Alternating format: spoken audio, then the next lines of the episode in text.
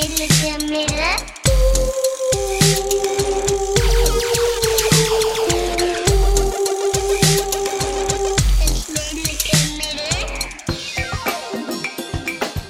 Het midden.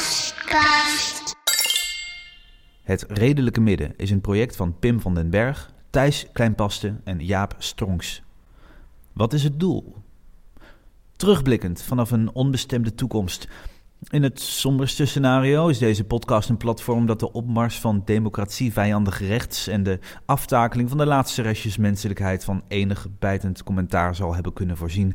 Tot althans de politielaarzen onze budgetcondensatormicrofoons aan gort kwamen trappen. Maar in het beste geval zal het een plaats zijn die heeft geholpen om links te doen opleven.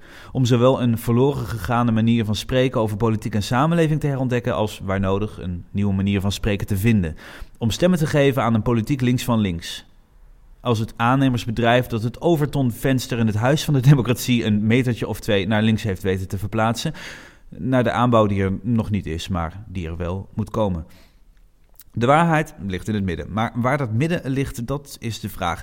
In 2020 is het redelijke midden althans te vinden op elke plek waar je je podcast vindt en op hetredelijkemidden.nl.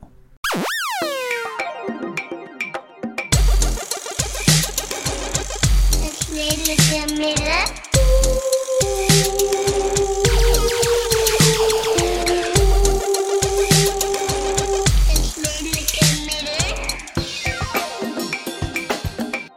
Bibelcast.